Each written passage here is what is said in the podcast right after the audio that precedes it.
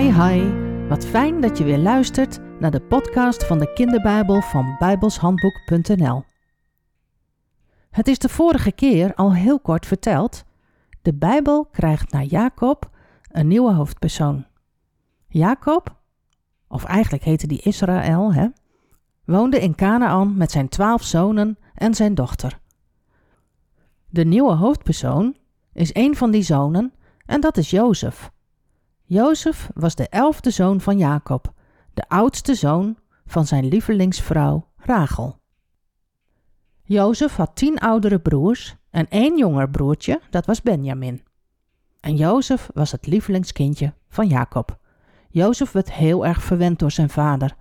Zijn vader had bijvoorbeeld een hele mooie jas voor hem laten maken. Eentje met veel kleuren, een veelkleurige mantel. Jozef was inmiddels 17 jaar geworden, een jonge man, en hij was net als zijn broers veehouder. Hij paste op het vee samen met zijn broers. Maar zijn broers vonden Jozef niet zo leuk. Ze waren jaloers op hem, omdat hun vader Jozef zo verwende. Ze hadden wel door dat Jacob veel meer van Jozef hield. En ze wilden natuurlijk ook wel zo'n mooie, veelkleurige mantel. Ze gaven Jozef de schuld van alles en ze konden niet meer vriendelijk tegen hem doen. Dat ze zo bozig waren op Jozef kwam ook door nog iets anders. Jozef had namelijk al twee keer een vreemde, bijzondere droom gehad en daar werden ze niet zo blij van. Dromen werden gezien als voorspellingen, dingen die misschien wel later uit zouden komen. En in de Bijbel zijn dromen ook vaak een boodschap van God. Jozef vond zijn dromen in ieder geval erg bijzonder en hij vertelde zijn eerste droom. Hij zei: Luister eens naar wat ik heb gedroomd. We waren in het veld bezig om graan in bosjes bij elkaar te binden. En toen ging mijn bosje graan rechtop staan. En het bleef ook rechtop staan. En de bosjes van jullie gingen er omheen staan en ze bogen voor mijn bosje graan. Wat raar, hè? Toen zeiden zijn broers: Ja hoor, natuurlijk, Jozef. Dat zou je wel willen, hè? Dat wij voor jou gaan buigen. Wil je soms koning zijn over ons? En wil je de baas spelen?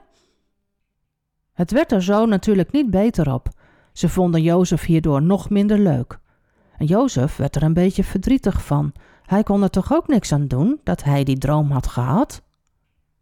De tweede droom was ook erg bijzonder en die vertelde Jozef ook. Dat had hij misschien beter niet kunnen doen.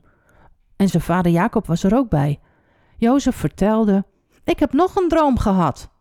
De zon, de maan en elf sterren bogen zich voor mij. En die elf sterren, dat zijn jullie. Nou ja, zeg, riepen de broers. Doe normaal, Jozef. Dat slaat toch helemaal nergens op?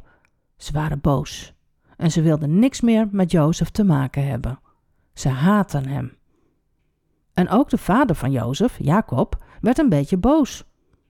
Hij zei: Foei, Jozef, hoe kom je toch aan zulke rare dromen? Wil je soms dat wij allemaal voor jou gaan buigen? Maar Jacob vond de droom ook erg raar. Hij begreep er niks van. Op een dag waren de broers van Jozef in het veld om op de schapen te passen.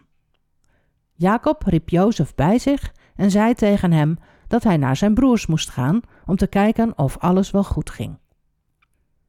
Breng je broers wat te eten en te drinken en kom daarna bij mij terug om te vertellen hoe het met ze gaat, zei Jacob. Dat is goed, vader, zei Jozef en hij ging op pad. Met een tas vol eten en drinken en hij had natuurlijk ook zijn mooie jas aan. Zijn broers zagen hem al van in de verte aankomen lopen. Kijk eens wie daar aankomt, onze grote dromer, zeiden ze. En ze bedachten een plan om van Jozef af te komen.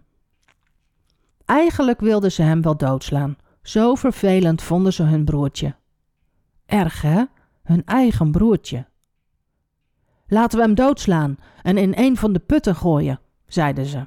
Dan vertellen we vader dat hij door een wild dier is opgegeten. En dan zullen zijn dromen nooit uitkomen. Maar Ruben, de oudste broer, vond dat een vreselijk idee. Nee, dat kan niet, zei hij. Laten we hem niet doden, maar gewoon in een diepe put gooien. Ruben wilde Jozef stiekem redden en veilig naar zijn vader terugbrengen. Toen Jozef dichterbij was gekomen, riep hij naar zijn broers. Hé, hé, wat ben ik blij dat ik jullie gevonden heb. Hoe gaat het met jullie? Ik ben me daar toch moe en ik heb dorst en honger. Zullen we wat gaan eten? Maar de broers gaven geen antwoord en ze grepen hem vast. Ze trokken zijn mooie, veelkleurige mantel uit en daarna gooiden ze hem in de put. Gelukkig was de put droog, er stond geen water in. Anders was Jozef misschien wel verdronken. De broers gingen vlak bij de rand zitten en daar aten ze van het eten dat Jozef had meegebracht. En Jozef kreeg niks. Ruben at niet mee. Hij liep weg. Ik eet straks wel een hapje hoor, ik heb niet zoveel honger. Hij ging naar de schapen en hij wilde wachten totdat zijn broers klaar waren met eten en drinken. En als daarna de broers weer terug naar de schapen zouden gaan, wilde Ruben Jozef weer uit de put halen en hem naar zijn vader terugsturen. Maar als hij geweten had wat er zou gebeuren daar bij de put, dan was hij zeer zeker niet weggegaan. Wat daar gebeurde, hoor je de volgende keer. Luister je dan ook weer? Tot dan. Hi hi.